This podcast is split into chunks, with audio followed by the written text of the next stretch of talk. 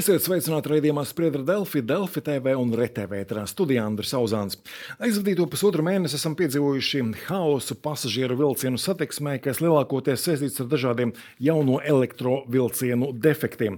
Tomēr eh, daļai vilcienu kavējumu kā iemesls tiek norādīta arī dzelzceļa infrastruktūra, eh, kas ir valsts akcijas sabiedrības Latvijas dzelzceļš pārziņā.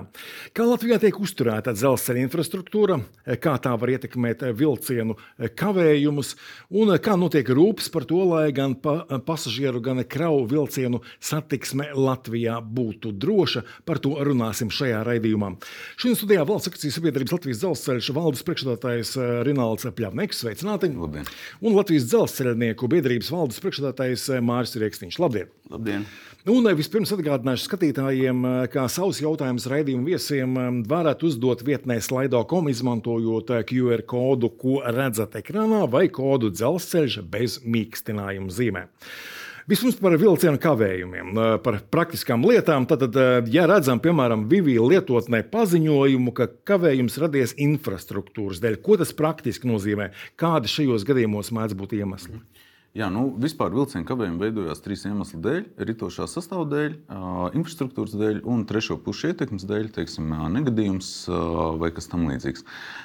Kas attiecās uz infrastruktūru, mēdz būt divas situācijas. Viena ir plānotie kavējumi, teiksim, ja notiek remonta darbi, un kāda cita ir šie tā saucamie neplānotās situācijas. Dabas apstākļi radīta ietekme, pašas infrastruktūras bojājumi. Un, ja mēs runājam par pēdējiem diviem mēnešiem, ja, kas ir bijuši visaktīvākie, kad mēs, kad mēs skatāmies uz, uz, uz šo pasažieru vilcienu kustību, var minēt par diviem tādiem situāciju kopumiem. Viens ir tas, kad atsevišķos gadījumos pārmīs sablīvējās ar sniegu, ledu. Tā skaitā no ritošā sastāvā brauc, vilciens pārbrauc pāri, ledus gabals nokrīt, noķīlē pārmī tas tiek identificēts, tad ar kaut kādu nu, teiksim, pusstundas reakciju tas tiek novērsts. Atsevišķi pārmijas tiek apsildīts, ja, bet nu, tik un tā veidojas dažkārt šo pārmiju darbības traucējumu, un tad, tas ir viens no, viens no iemesliem. Tādi ir bijuši pāris gadījumi mums šajos divos mēnešos. Un otrs uh, ir bijis viens kontaktīkla bojājums konkrēts Jelgavas līnijā, ja, nu, kas arī uh, radīja uh, viņa novēršanu, prasīja kāds pāris stundas. Un tad, protams, tas diemžēl sakrita ar pīķa stundas laiku no rīta. Ja, tad tā ietekme uz vilcieniem bija, bija vairāk kārtēja. Bet nu, šie ir tādi pamatiemesli infrastruktūras, uh, kad runa iet par infrastruktūru. Bet uh, ziema faktiski mums ne jau pirmo gadu ir. Uh, vai tad uh, šobrīd uh, tiešām uh, mēs runājam par uh, biežākiem teiksim, no infrastruktūras bojājumiem un biežākiem traucējumiem saistībā ar šīm pārmijām tieši ziemas dēļ? Infrastruktūras kontekstā ne. Kavējumi ir, kas ir radīti infrastruktūras dēļ, pašreiz tā ir aptuveni piekdaļa, ceturdaļa no visiem kavējumiem, un tie atbilst nu, tādai standarta situācijai ziemas apstākļos. Runājot kopumā par šo situāciju ar haosu pasažieru vilcienu satiksmē, vai to visu nu, tiešām varam uzskatīt par normālu situāciju, vai arī tomēr tā ar jauniem vilcieniem mēdz notikt, vai arī tomēr šoreiz problēma ir vairāk nekā vajadzētu? Kā jums šķiet? Es domāju, ka tās problēmas ir vairāk nekā viņām vajadzētu būt. Tas, kas attiecās uz infrastruktūru, tā patiešām ir tāda ikdienas situācija, kas atkārtojās no gada gadā. Jo sniegs snieg, sals salst, un tās situācijas mēdz būt, diemžēl, nu, ar kaut kādu periodiskumu. Bet to, tie tomēr ir reti gadījumi, un, un tie nav bieži gadījumi. Tas, kas saistīts ar šiem kavējumiem, parasti jau vilcienus būvējot, vilciens pielāgo konkrētai infrastruktūrai. Un, acīm redzot, mums gan šodien klātienē nav pasažieru vilcienu pārstāvs. Tur varētu būt virkne dažādu iemeslu, arī kāpēc vilciens vai nu nereaģē, jo mūsdienās vilcieni ir mēs zinām, nevis vienkārši mehānikas kopums, bet tur ir elektronika, tur ir kompjuteri. Un, acīm redzot, viņi dažos gadījumos uz kaut ko nereaģē. Vai uz ledu, vai uz saka, kļūdu sistēmā un tam līdzīgi. Uh, tad uh, vēl ir kavējumi, kuros kā iemesls tiek norādīts uh, aizliedzošais signāls. Nu, es gribu saprast, stunda vai divas stundas kavējums aizliedzošā signāla dēļ. Nu, aizliedzošie signāli atcīmredzot arī ir infrastruktūras lieta un arī zin, jūsu pārziņā. Kā tas ir iespējams divas stundas gaidīt aizliedzošā signāla dēļ? Jā, nu, protams, nav tā, ka mūsu dispečers vienkārši ir aizmirsis ieslēgt zaļo gaismu posmā un tā iemesla dēļ tur netiek laists vilciens. Ja šis aizliedzošais signāls nozīmē nozīmē to, ka posmā atrodas vilciens, kas bloķē satiksmi. Visbiežāk tas ir saistīts ar kādu citu kavējumu. Tātad cits vilciens tehniski vai kāda cita iemesla dēļ ir veidojis nobīdi no kustības grafika. Un tad, attiecīgi, šajā nākamajā secīgais vilciens vai secīgie vilcieni netiek laisti iekšā šajā posmā, jo tur atrodas aizkavējies vilciens. Līdz ar to, protams, te tiek, kā jūs minējāt, izklausās pēc infrastruktūras, bet tas ir jautājums saistībā ar kustību. Ja? Nu, kopumā liekas, ka tas nav īsti korekts veids, ja drīzāk kā norādīt kavējumu iemeslu droši vien būtu jāmin, kad kavējums saistībā ar vilcienu X. Ja? Un tad, attiecīgi, šim vilcienam X ir uh, pretī skaidrs pozīcija, vai nu tas ir ritošais sastāvs, infrastruktūra vai trešās puses. Es gribētu pieminēt, iepriekš minētā uh, pārmijas gadījums. Uh, tie vispār ir ļoti, ļoti reti gadījumi. Bet tādi gadījumi mēdz būt. Arī dzen, tas, ja pārmijā ir iekļuvis kaut kāds cietķermenis, kura, kuras dēļ viņš nevar, pārmija nevar pārslēgties. Skaidrs, ka sistēma rāda luksusforā aizliedzošu rādījumu, jo pārmija nevar pārslēgties.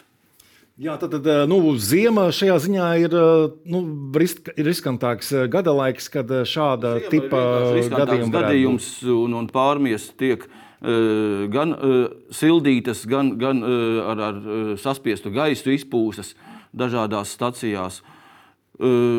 Mēdz būt dažādi. Un, un, piemēram, pie ārkārtas situācijās, kad ir strauji, slapjš sniegs, tad acīm redzot, šī pārmiju tīrīšanas metode vienkārši nespēja tikt galā. Jo kādreiz senos laikos bija pat tā, ka cilvēks ar slotām uh, aicināja, nevis aicināja, bet lika iet ar slotām tīrīt pārmīs, lai atbrīvotu no sniega. Un kā šobrīd attīra? Ar kausēšanu tikai vai, vai arī ar slotu? Nu, es domāju, ka uh, Rinalds precīzāk paskaidros, bet tā, uh, mazās stacijās droši vien ir arī uh, stacijas darbinieki, kas vajadzības gadījumā iet un tīra. Uh, bet, nu, Principā tas nav normāls risinājums. Normāls risinājums būtu to, ka viņi eh, kaut kādā veidā eh, ar eh, sildīšanu vai ar gaisa apūšanu viņi tiek atbrīvot no, no šiem sniega apstākļiem. Cik bieži ar slotu sanāk?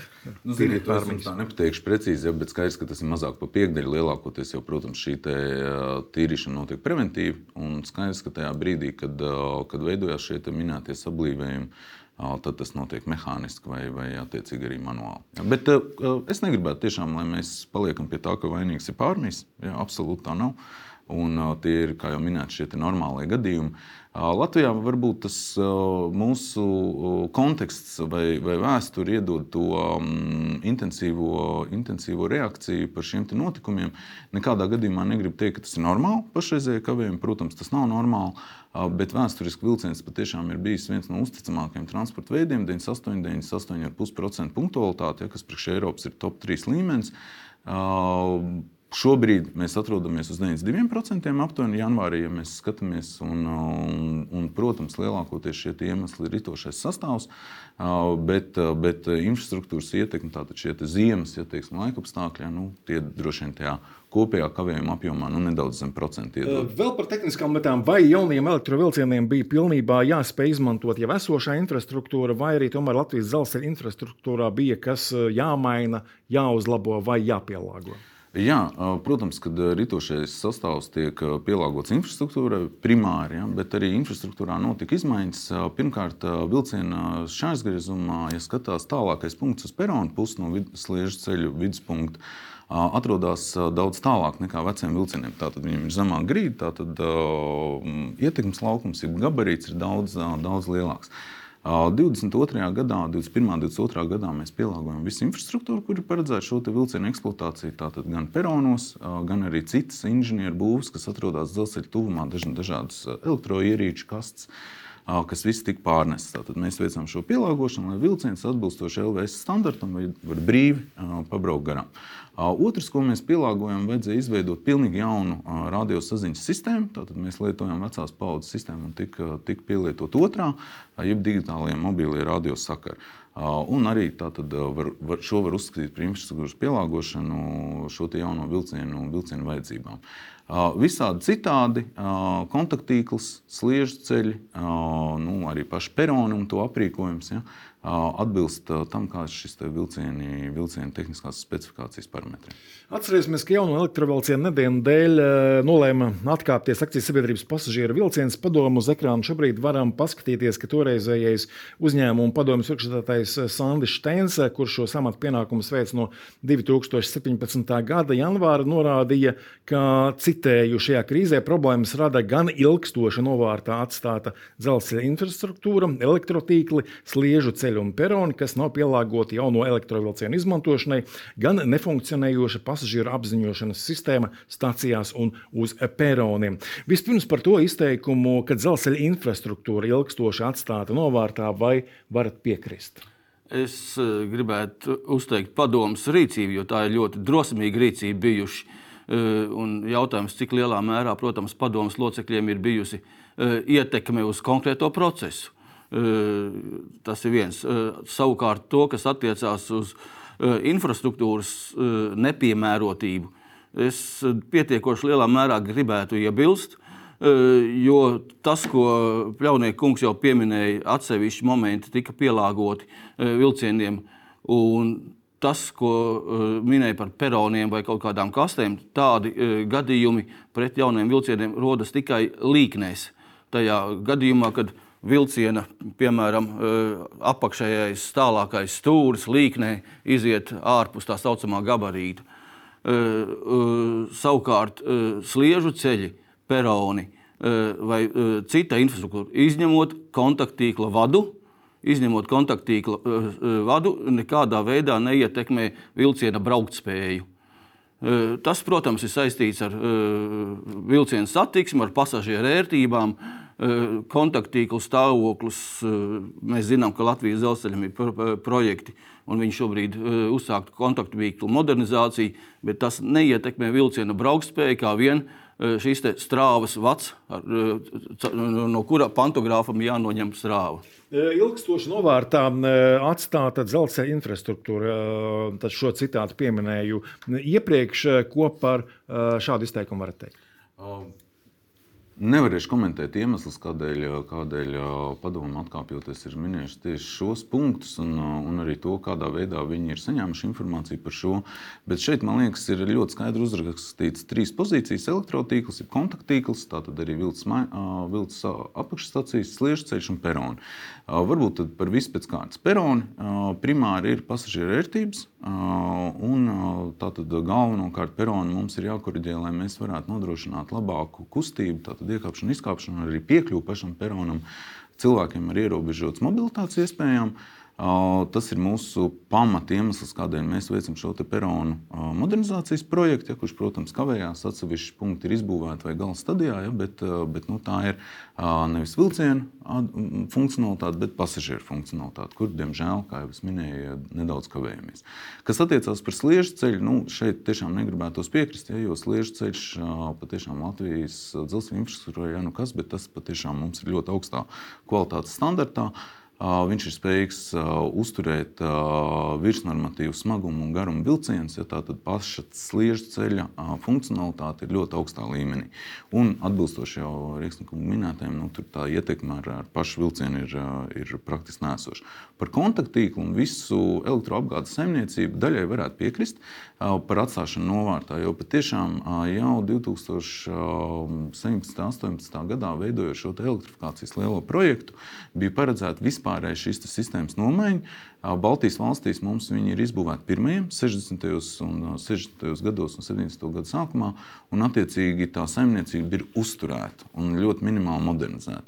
Jebkurā gadījumā šī te, uh, infrastruktūra, tātad kontaktīkls, spriegums kontaktīklā, kas ir ļoti būtisks sadaļa, tātad šis līdzstrāvas spriegums, ir not, regulēts ar no, noteiktiem LVS standartiem.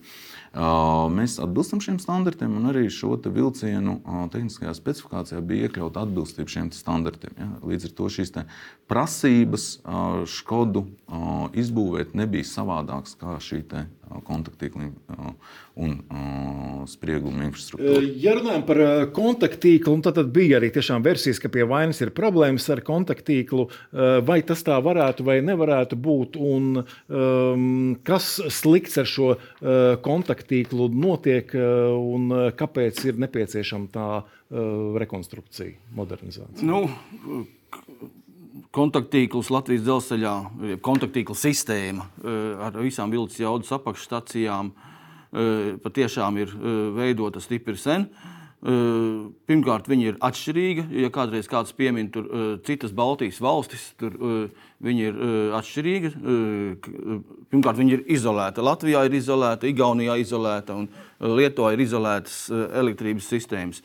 Un mūsu kaimiņu valstīs ir 25 kV maņstrāvas tīkls. Latvijā vienīgajā ir šis 3 kV līdzstrāvas tīkls, kas toreiz Padomju Savienībā esot bijis eksperiments kaut kāds.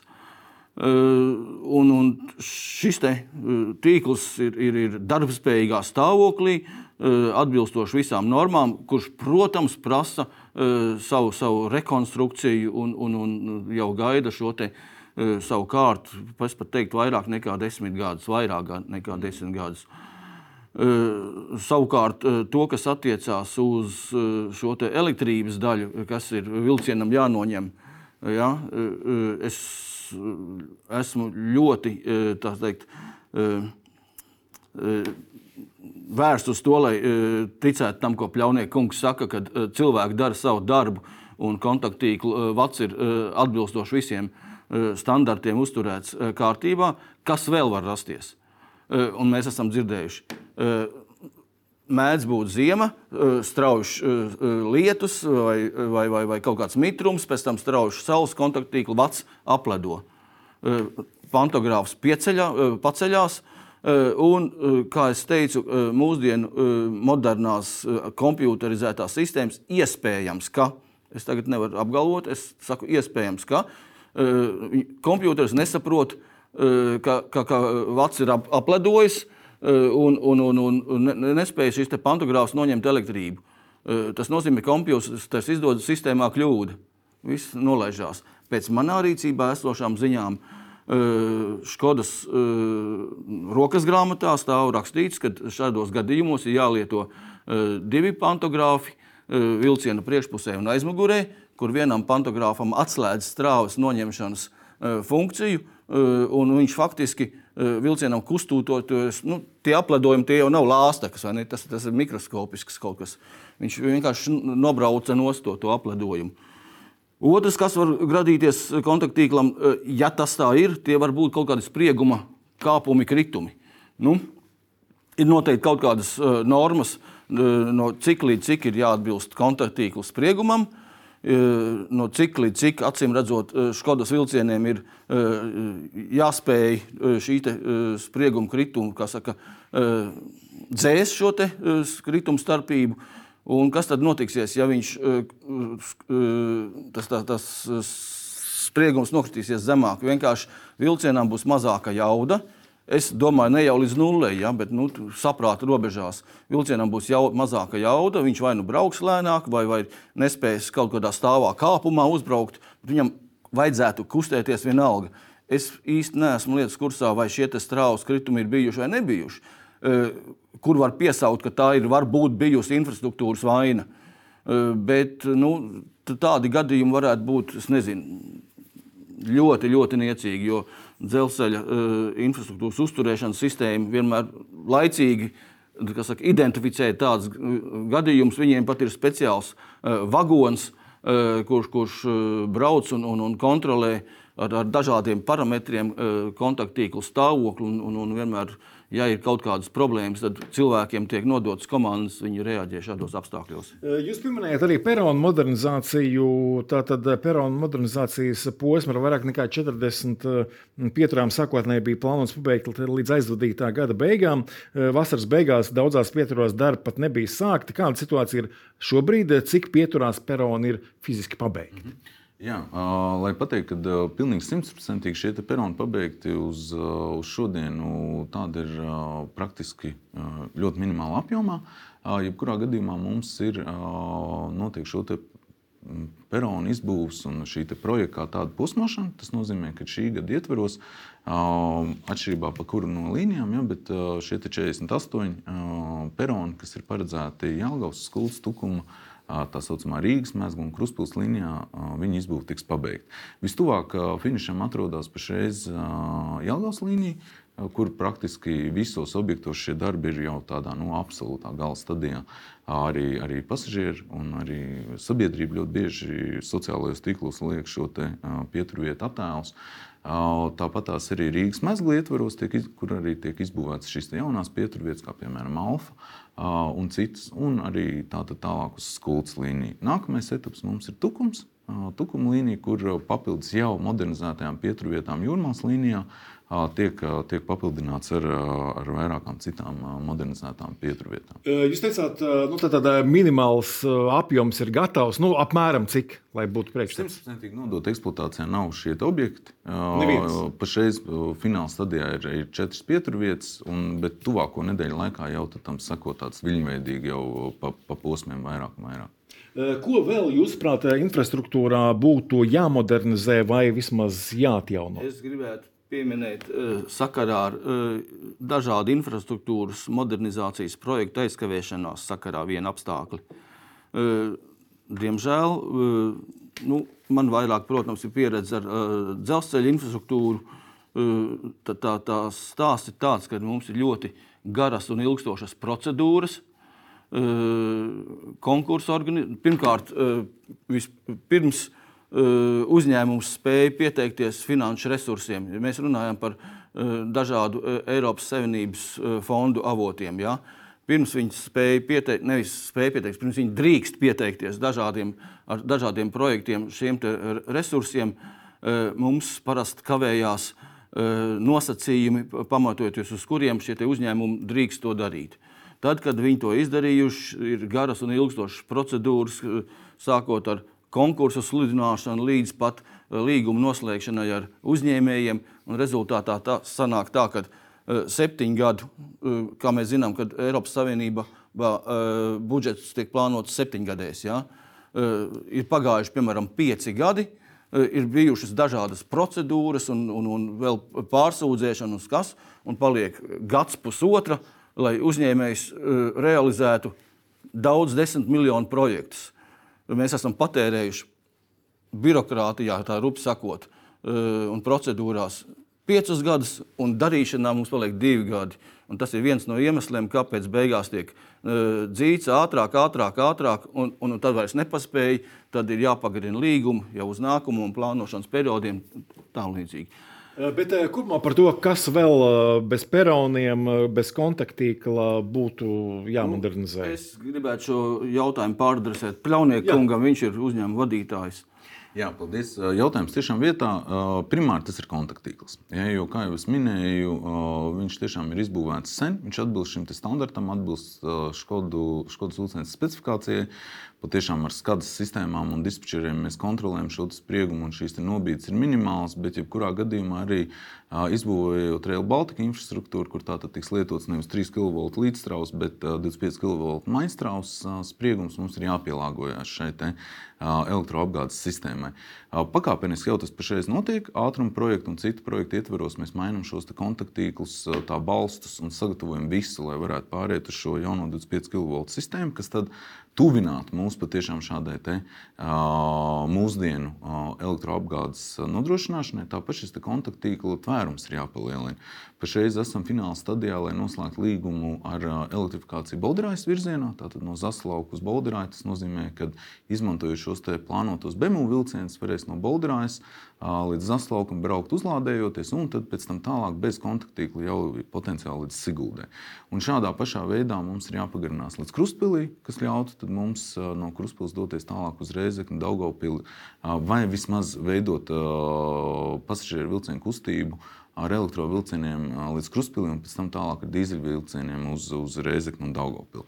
Tātad šī elektrotīkla paplašināšana Sliežceļu uzlabošanu, jo īpaši Liepājas virzienā, tāpēc ka Liepājas līnija ir tāda interesanta līnija, kad viņa ir būvēta 30. gados pagājušā gadsimta, un viņā nekad nav izmantota jauna materiāla. Tātad vienmēr ir bijuši vecdarīgie materiāli, sliedas, nu, balss, gulšana gan ir bijuši jauni, bet tur ir ļoti daudz līknes, kuras potenciāli varētu iztaisnot un attiecīgi palielināt šo kustības ātrumu. Viņš jau ir konkurētspējīgs ar autotransportu, bet ar šiem uzlabojumiem tā konkurētspēja būtu vēl lielāka. Nu, tie ir mūsu tādi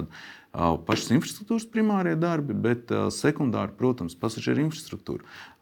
Jā, tajā kritikā bija pieminēta arī šī nefunkcionējošā pasažieru apziņošanas sistēma stacijās un uz peroniem. Kāpēc nefunkcionē? Grūti pateikt, kas ir domāts ar šo vārdu nefunkcionē, jo pasažieru apziņošanu Latvijas dzelzceļš nodrošina tikai daļai atbilstoši gan mūsu sadarbības līgumam, gan, gan vispārējiem noteikumiem. Par to primāri ir atbildīgs pārvadātājs. Bet, jebkurā gadījumā, tas, kas mums ir pieejams, ir atsevišķās pieturvietās, tie ir displeji pašreiz, kuros tiek informēts vienotā apziņošanas sistēmā par nobīdēm no grafika. Tāpat tās ir tablo stācijās, bet nu, tie patiešām ir centrālā stācija un, un, un Daugopils. Balss apziņošanas sistēma un arī tajās vietās, kur mums ir stācijas dežurants, tad šis stācijas dežurants pa stācijas skaļruņu paziņo par, par kavējumiem. Un, tas patiešām tvērums, kuru nosaka šī apziņošana, nav pilnvērtīgs. Tieši tā iemesla dēļ arī šajos peronu modernizācijas projektos visos ir ietverti šie displeji, balss ziņas, lai pasažieri, kas gaida vilcienu, jo ir trīs veidi ietekmētie pasažieri. Viens, kas atrodas vilcienā, ja viņš kavējās, un viņam jāsaņem informācija. Otri, kas jau atrodas pieturvietās un gaida tur vilcienu, un trešie, kas dodas uz šīm pieturvietām. Un šis otrais līmenis ir tas, ko mēs varam noķert un apziņot, ja ne tikai ar tālruņiem, pa kuriem viņi piezvanīja, atrodoties uz perona un redzot, ka vilciens nenāk, bet jau preventīvi. Ja viņi ir 10, 15 minūtes ātrāk ieradušies, ka tur ir informācija displejā vai radio paziņojumā, ka valsts paziņojumā, kad, kad, kad būs šis kavējums. Vēlreiz atgādināšu skatītājiem, ka savus jautājumus raidījumu viesiem varat uzdot vietnē slaido.com, izmantojot QR kodu, ko redzat ekrānā, vai kodu dzelzceļš bez mīkstinājuma zīmēm. Satiksmes ministrs Kaspars Briškans izteicies, ka šobrīd Latvijas dzelzceļa infrastruktūras uzturēšanā ir gandrīz 70 miljonu eiro caurums, kas tiek lāpīts ar dotācijām no budžeta. Vai līdzekļu trūkums dzelzceļa infrastruktūrai no nu, šāda caurumu lāpīšana var ietekmēt arī vilcienu satiksmes drošību. Ziniet, noteikti tas to nevar ietekmēt. Mūsu te, te nedaudz jāpaskatās uz, uz šo situāciju kompleksi vai kopumā. Latvijas dzelzceļam ir bijis viens biznesa modelis, kas ir strādājis aptuveni līdz 19. gadam, kad šīs trešo valstu kravas finansē pilnīgi visas infrastruktūras uzturēšanu un liela daļa arī no investīciju projektiem. Pašreiz sankciju ģeopolitikas un vispār globālo tendenci izmaiņu rezultātā šis modelis vairs nestrādā. Eiropas Savienības likumdošana ļoti skaidri un tieši nosaka, ka uh, infrastruktūra, dzelzceļa infrastruktūra uztur par valsts līdzekļiem. Ja, lietotājs maksā vien šīs mainīgās izmaksas. Uh, attīstot un, un arī pārējot aizvien vairāk uz šo Eiropas kravu komponenti, ja, tad mums veidojas iztrūkums, ka tiek sekts tikai mainīgās, bet netiek sekts fiksētās izmaksas. Līdz ar to uh, jau, jau kādu kādu brīdi mēs esam dialogā gan ar satiksmes ministriju, gan, gan ar finanšu un, un valdību kopumā par to, kāds ir šīs infrastruktūras uzturēšanas finansēšanas modelis. Uh, ir beidzies šis daudzgadu līgums, kas balstās uz induktīvo plānu. Uh, pašreiz notiek uh, kā reiz dialogs. Uh, ar iesaistītajām pusēm par šo nākamo, nu, nākamajiem pārvaldības un finansējuma noteicošiem dokumentiem, kuros šī skaidrā stabilitāte, kā mēs finansējam gan uzturēšanu, ko nevar nosakt no koncerna nu, vai Latvijas dzelzceļa infrastruktūras maksas un papildus ienākumiem no koncerna un investīcijām, kas mums ir jāveic, jo arī šajos Eiropas fondu projektos ir nepieciešams 15% līdzfinansējums. Ja? Vismaz jā, tieši tā. Kas, kas tad ir no kaut kādām ieņēmuma avotiem vai, vai naudas plūsmas avotiem ir jāfinansē? Un runājot par investīcijām, būtiski ir saprast to, ka investīcijas infrastruktūrā nav investīcijas ražošanā. Ja mēs investējam 20 miljonus rūpnīcas uzbūvēšanā, viņi jau mums pēc uzbūvēšanas nes ieņēmumus. Dzelzceļa infrastruktūra tāda īsti nav. Ja mēs uzbūvējam, atjaunojam peronus, tad tas nozīmē, to, ka pasažieru vilcienam ir vairāk pasažieru. Bet pašam dzelzceļam ieņēmumu par šo īsti papildus nav. Jā, mums ir uh, apkalpes vietas maksa, tiek palielināta, uh, bet viņa ir. Uh, mēs viņu nevaram palielināt uh, Eiropas komisijas likumdošanas dēļ, lai viņi nosaktu mums teiksim, 20 gadu periodā visas šīs veiktās investīcijas un nodrošinātu kaut kādu rentabilitāti. Piekrītat, ka finansēšanas modelis ir jāmaina? Modelis kā tāds droši vien nav jāmaina. Tas ir skaidri ierakstīts dzelzceļa likumā. Un, un mūsu klausītājiem šodien varbūt vēlreiz jāprecizē, ka Latvijas dzelzceļš pārtiek no tās naudas, ko viņam samaksā pārvadātājs, respektīvi pasažieru vilciens, LDZ kargo vai citi kravu pārvadātāji, par to, ka viņi izmanto infrastruktūru atbilstoši noteiktai metodikai, cik nu tur sanāk maksāt. Un otra daļa ir šīs te. Es negribētu to nosaukt ne par subsīdijām, ne par dotācijām vai tam līdzīgi. Ja? Jo subsidēt un dotēt vajag uh, nespējniekus, varbūt, un cilvēkus, kas eh, paši nespēja nopelnīt. Šeit ir eh, samaksa par eh, godīgu un pareizi iz, izdarītu darbu, atbilstoši vienošanās nosacījumiem. Un šos vienošanās nosacījumus izstrādā ļoti nopietns spēlētājs, nu, varētu tā teikt, spēlētājs, saka, stratēģijas noteicējs, tā ir satiksmes ministrija, kura nes uz valdību šo indikatīvo uh, dzelzceļa attīstības stratēģiju, uh, jo, jo dzelzceļš kā infrastruktūra ir valsts nacionālais resurss. Un ko ar šo resursu darīt, ko attīstīt, ko, kādus projektus? Dabīgi, ka tas nenotiek, uh, kas saka, ministrija vien pati to nedara. Priekš tam konsultējās pirmkārt ar instruktūras pārvaldītāju un, un otrkārt ar pārvadātājiem, ko tad nu, viņi grib no šīs instruktūras.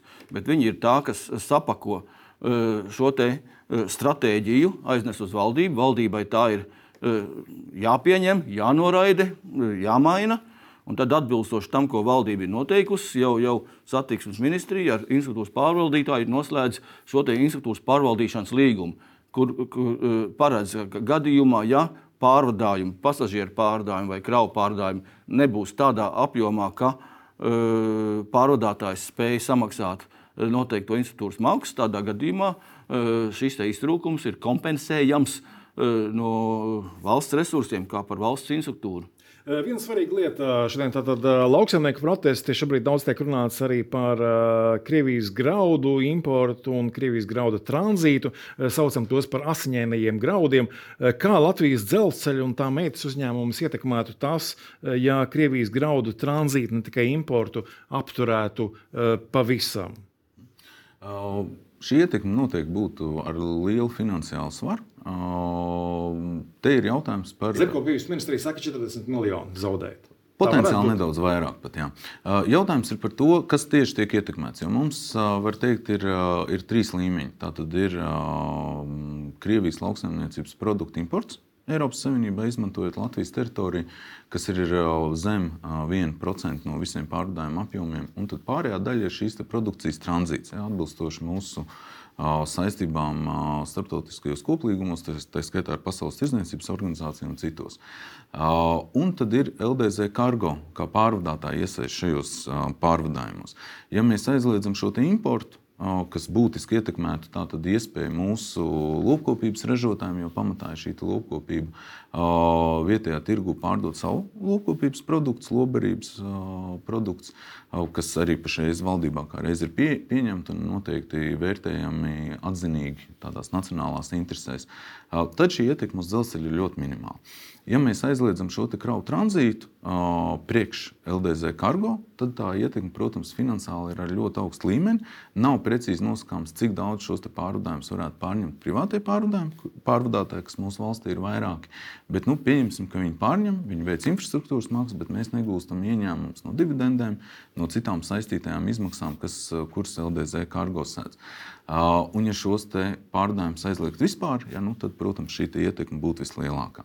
Kas attiecās uz LDZ kargo, uh, bieži vien tiek piesaukta situācija ar Igauniju, kur Igaunijas nacionālais pārvadātājs operēja, viņam tika uh, ierobežot šī te, uh, austrumu kravu pārvadājuma. Bet jāsaka, godīgi, ka uh, situācija ir absolūti atšķirīga un nesalīdzināma. Igaunijas pārvadātājs jau pašreiz atrodas ļoti lielās finansiālās grūtībās, bet arī veicot šo lēmumu, uh, tika ietekmēts aptuveni 500 tūkstoši tonu līdz 1 miljonus tonu pārvadājumu. Ja, tā tad varētu apgalvot tāds salīdzinoši nebūtisks pārvadājuma apjoms. LDZ kargo gadījumā šis austrumu virziens, tā skaitā Vidusāzija, tomēr sastāvda 11 miljonu tonnas. Un šī ietekme uz, uz LDZ kargo būtu daudz lielāka ar šādiem lēmumiem nekā Igaunijas gadījumā, kur to tiešām nacionāli politiski vadīt varēja, varēja pie, pieņemt daudz vieglāk. Kam šeit jāuzvar? Naudas aspektiem vai ētiskiem aspektiem, kā jums šķiet? Saprātam.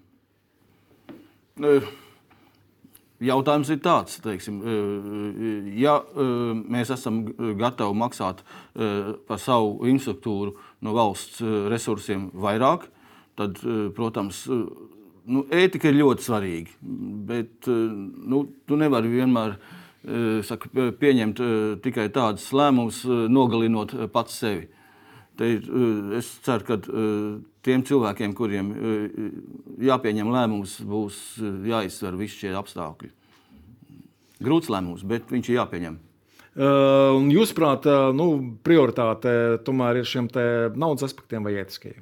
Ziniet, šeit ir komplekss jautājums patiešām par tautsājumniecību kopumā, jo runa neiet tikai par Latvijas dzelzceļa infrastruktūru, par mūsu kādām komercaktivitātēm, kas sedz mūsu izmaksas, bet arī ostu saimniecību Un Latvijas šī transporta nozare, un arī kopumā ārpus savām pilnvarām, es gribētu teikt, daudzas nedēļas, kas, kas pašreiz ir šajā satiksmes nozarē, ir tā iemesla dēļ, ka mēs pārdefinējam savu uh, darbības virzienu. Geogrāfija mums ir tāda, kāda viņa ir. Mēs uz maģistrāles atrodamies tikai austrumu-rietumu koridorā. Ja mēs runājam par Eiropu, tad tā ir sekundārs kravu un pasažieru plūsmas. Reģionāls nozīmes, ja, šeit, šeit šajā austrumu rietumu, jo īpaši Vidusāzijas virzienā, mēs darbojamies tādā nu, globālā eksporta importa tirgu. Skaidrs, ka viņam ir samazinoša tendence, un ministrs korekti ir mūsu satiksmes nozares ministrs Briškenkungs, vairāk kārt korekti ir minējis par šo austrumu adatu. Viņa noteikti nevar palikt kā vienīgā mūsu darbības virziens. Bet tāpat Vidusāzija, vērojot gan Eiropas komisijas tendences, pagājušajā nedēļā bija augsta līmeņa Vidusāzijas delegācija Eiropas komisijā, tāpat Ziemeļamerikas mūsu NATO partneri intereses Vidusāzijā, jo īpaši ASV kapitāla. Skaidrs, ka šis koridors saglabājās tikai mazākā apjomā. Un tātad mums ir jādiversificē viņš ar papildus ieņēmumiem reģionālā līmenī, un tad attiecīgi arī mēs par šiem jautājumiem runāt jau daudz mazāk. Jā, esam tomēr diezgan daudz jautājumus. Neesam paspējuši izrunāt. Radījums šobrīd jau tuvojas faktiski noslēgumam. Saku paldies raidījumu viesiem. Nākamais Spriedra Delfī raidījums ētrā rītajā runāsim par šobrīd apturēto pasta nodaļu slēgšanu un pasta pakalpojumiem reģionos. Paldies, ka skatījāties uz tikšanos!